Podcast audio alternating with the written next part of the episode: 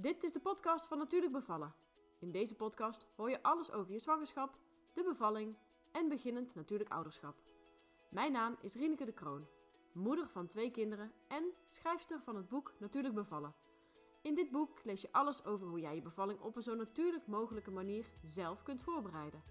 Wat je eraan kunt doen om het vertrouwen te vinden in je lichaam en je baby. En hoe je bevalt vanuit regie. Doordat jij goed voorbereid bent op wat gaat komen en jij dus weet wat je wilt, wordt het jouw bevalling waar je positief op terug kan kijken. Tijdens deze podcast komen diverse onderwerpen uit mijn boek aan bod. Maar laat ik ook anderen hun mooie en inspirerende bevalervaring vertellen. Wil je na het luisteren van de podcast en het lezen van het boek nog beter voorbereid zijn op je bevalling? Ga dan voor de cursus Natuurlijk Bevallen. Meer informatie over dit alles vind je op mijn website natuurlijkbevallen.nl. Veel luisterplezier!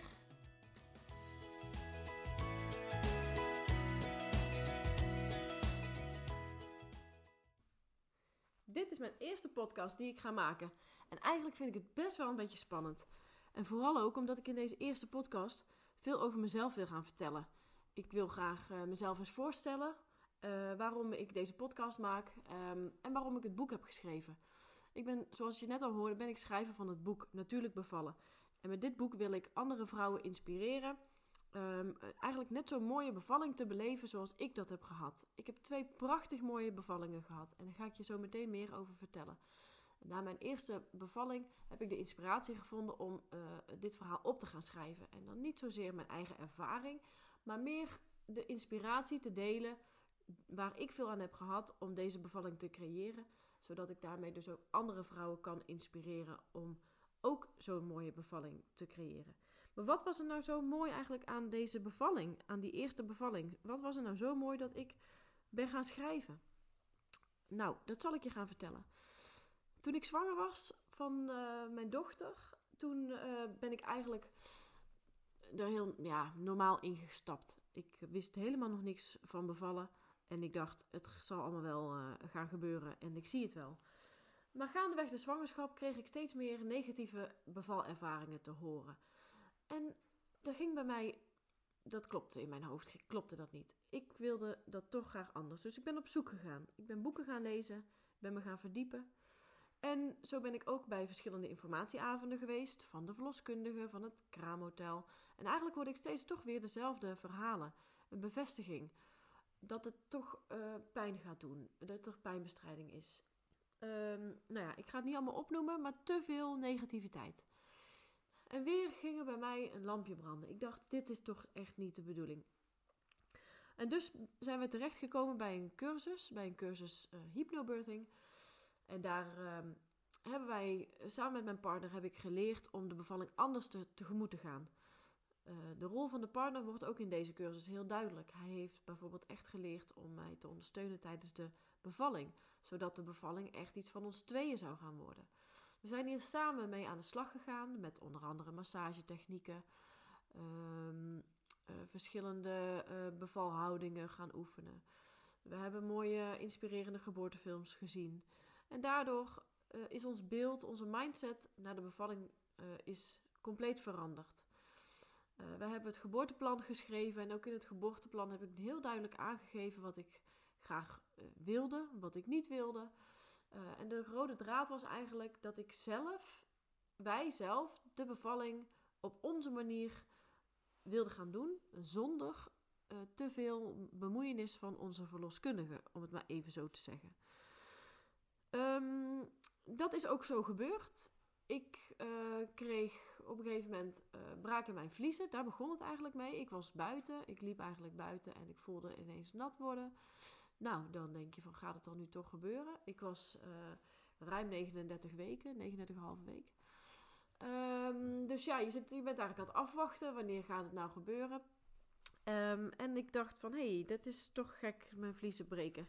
Tenminste, het, het, werd nat tussen mijn benen, dus dan denk je meteen dat het, dat is. Het was helder, dat wist ik al wel, dat ik daarop moest letten. En um, ik ben op de bank gaan zitten met een hoop handdoeken. En ik ben even rechtop gaan zitten en even van binnen naar binnen gaan, gaan voelen. bij me, in, mijn, in mezelf gaan voelen of ik goed op mijn gemak was. En dat, nou, ik, ik voelde me gewoon prettig. En ik vond, het, ik vond het spannend, maar ik vond het ontzettend leuk. Ik had er heel veel zin in. Dus maar aangezien mijn vliezen al gebroken waren, werden mijn, mijn weeën werden al steeds, steeds meer. Maar er kwam natuurlijk elke keer kwam er vocht uit. Dus ik ben op de toilet gaan zitten.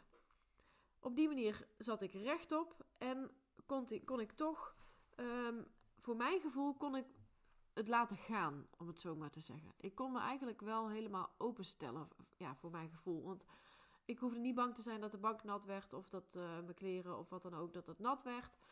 Uh, ik ben uh, ja, op die wc, ja, heel gek misschien, maar ik kon het gewoon letterlijk laten gaan. Ik wilde eigenlijk graag in het kraamhotel gaan bevallen, maar ehm, ja, mijn vriend die zag dat eigenlijk niet zo zitten. Dus wat heeft hij gedaan? Die is wat tijd gaan rekken. En ik zat eigenlijk wel prima op die wc.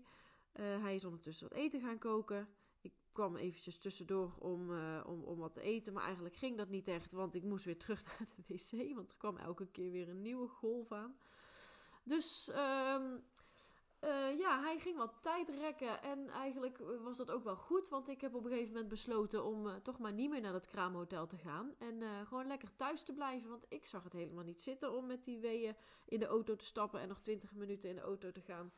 Dus ik dacht, laat mij maar lekker thuis. We hebben de verloskundige gebeld en die is gekomen.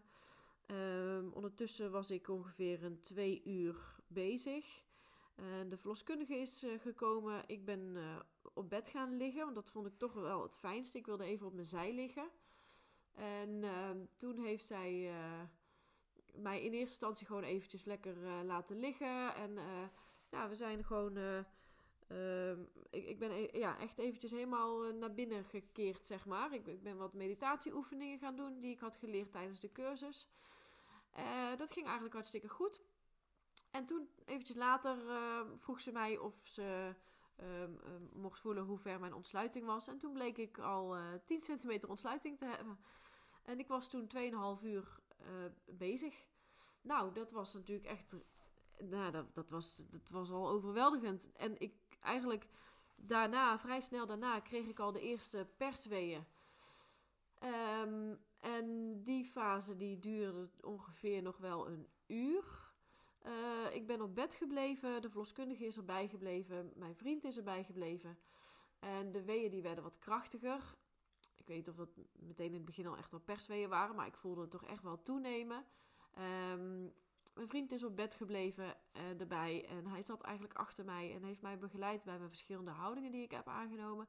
Ik heb gevarieerd op mijn knieën, op mijn hurken, uh, dan weer eventjes liggen tussen de weeën door. Uh, nou, en op die manier ging dat eigenlijk prima. En uiteindelijk ben ik op mijn knieën gaan zitten. Ik ben achterover gaan liggen tegen hem aan.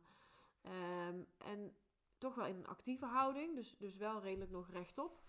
Maar uh, ik heb zelf uh, ons kindje aangepakt en op mijn buik gelegd. En de verloskundige die stond er eigenlijk echt wel met jeukende handen bij. Die wilde heel graag meehelpen. Maar ja, we hadden toch de wens aangegeven om dat niet te doen. Alleen als het dan echt nodig was. Maar uh, dat was niet, eigenlijk niet nodig. Dus ehm, onze dochter is, is geboren en is op mijn buik, heb ik op mijn buik gelegd. En nou ja, dat, dat was al mijn eerste bevalling en dat vond ik zo overweldigend. En ik dacht echt, wauw, dit is het. Dit is dus bevallen zoals het dus ook kan gaan.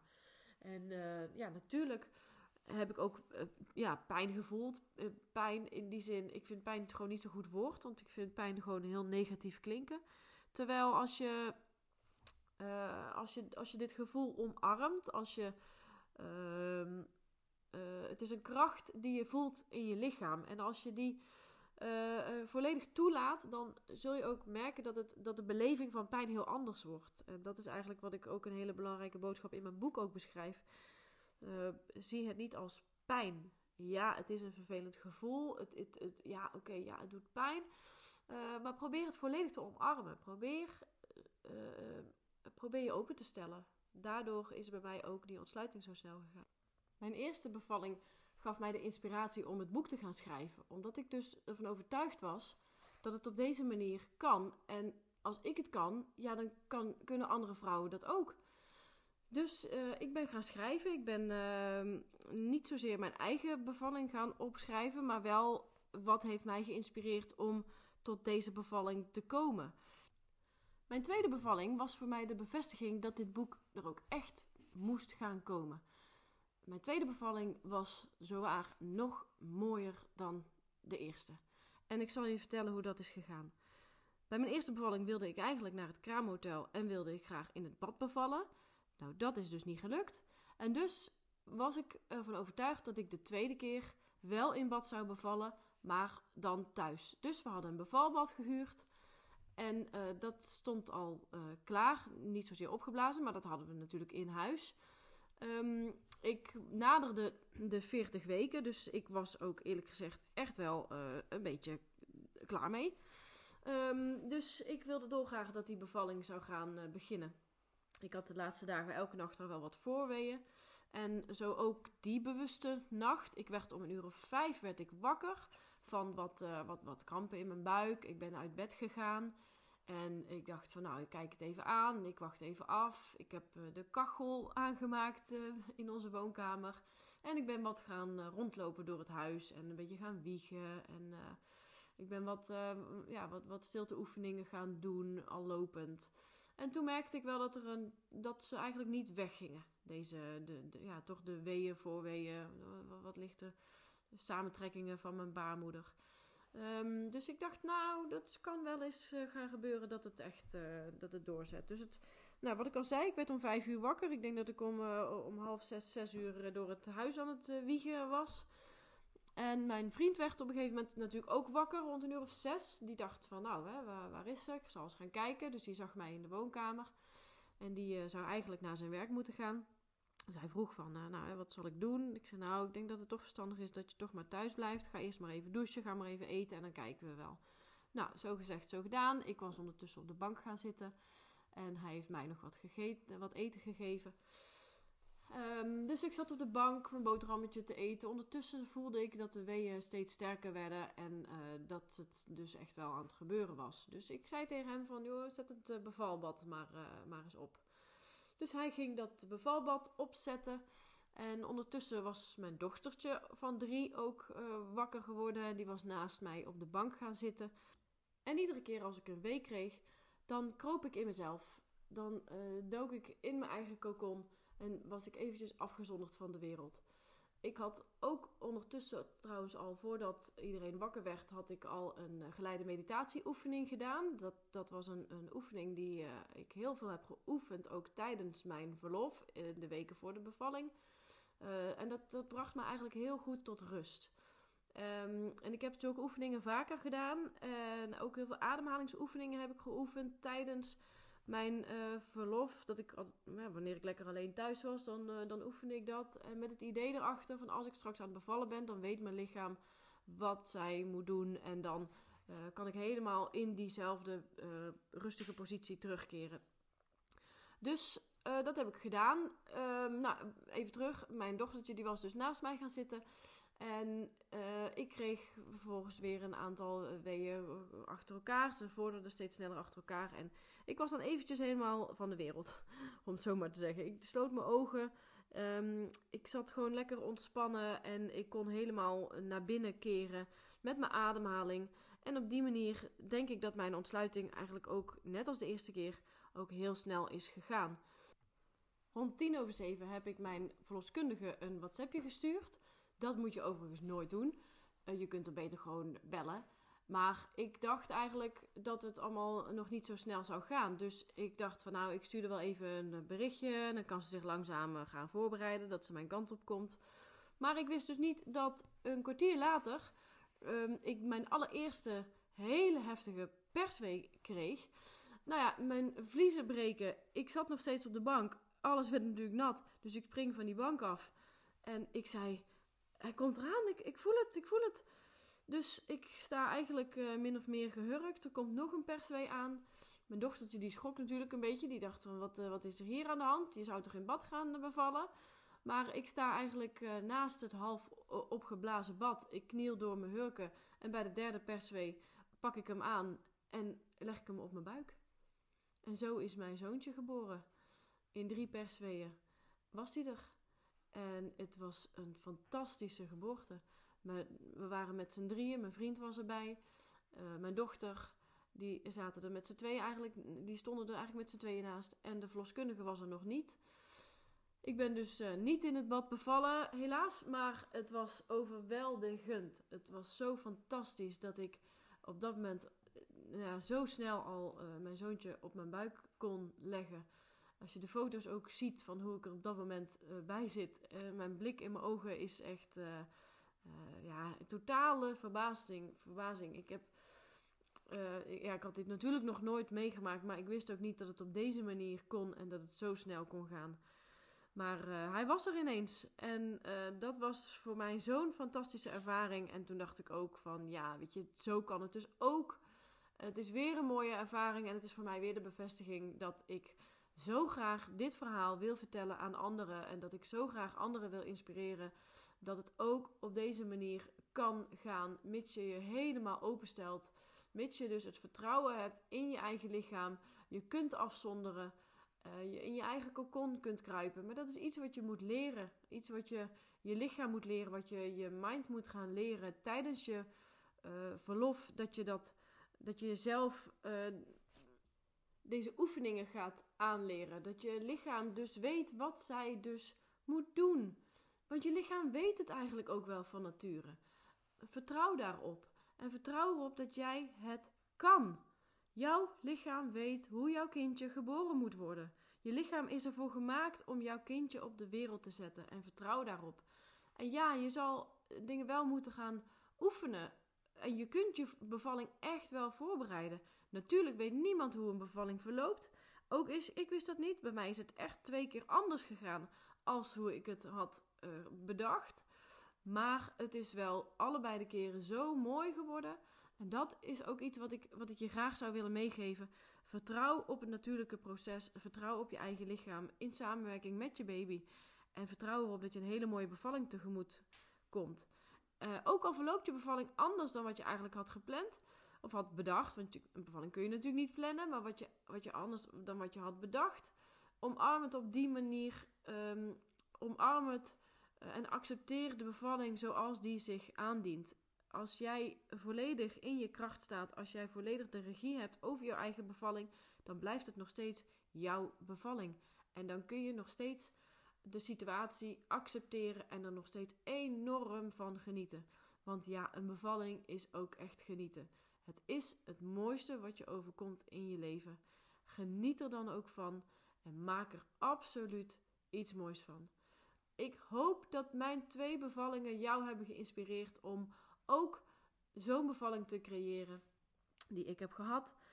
En waar jij, uh, de, ja, wat ik zeg, de inspiratie. Want dat is gewoon wat ik hoop. Geniet ervan. Ik gun jou echt de aller, allermooiste bevalling.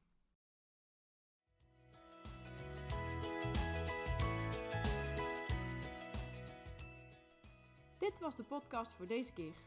Wil je meer weten over natuurlijk bevallen? Je kunt me volgen op Instagram, Facebook of de website natuurlijkbevallen.nl, waar je ook heel eenvoudig het boek kan bestellen. Ik zou het leuk vinden als je je abonneert op mijn podcast en een review wilt achterlaten. Dat helpt om beter vindbaar te zijn, zodat nog meer vrouwen zich kunnen laten inspireren voor hun bevalling. Tot de volgende keer!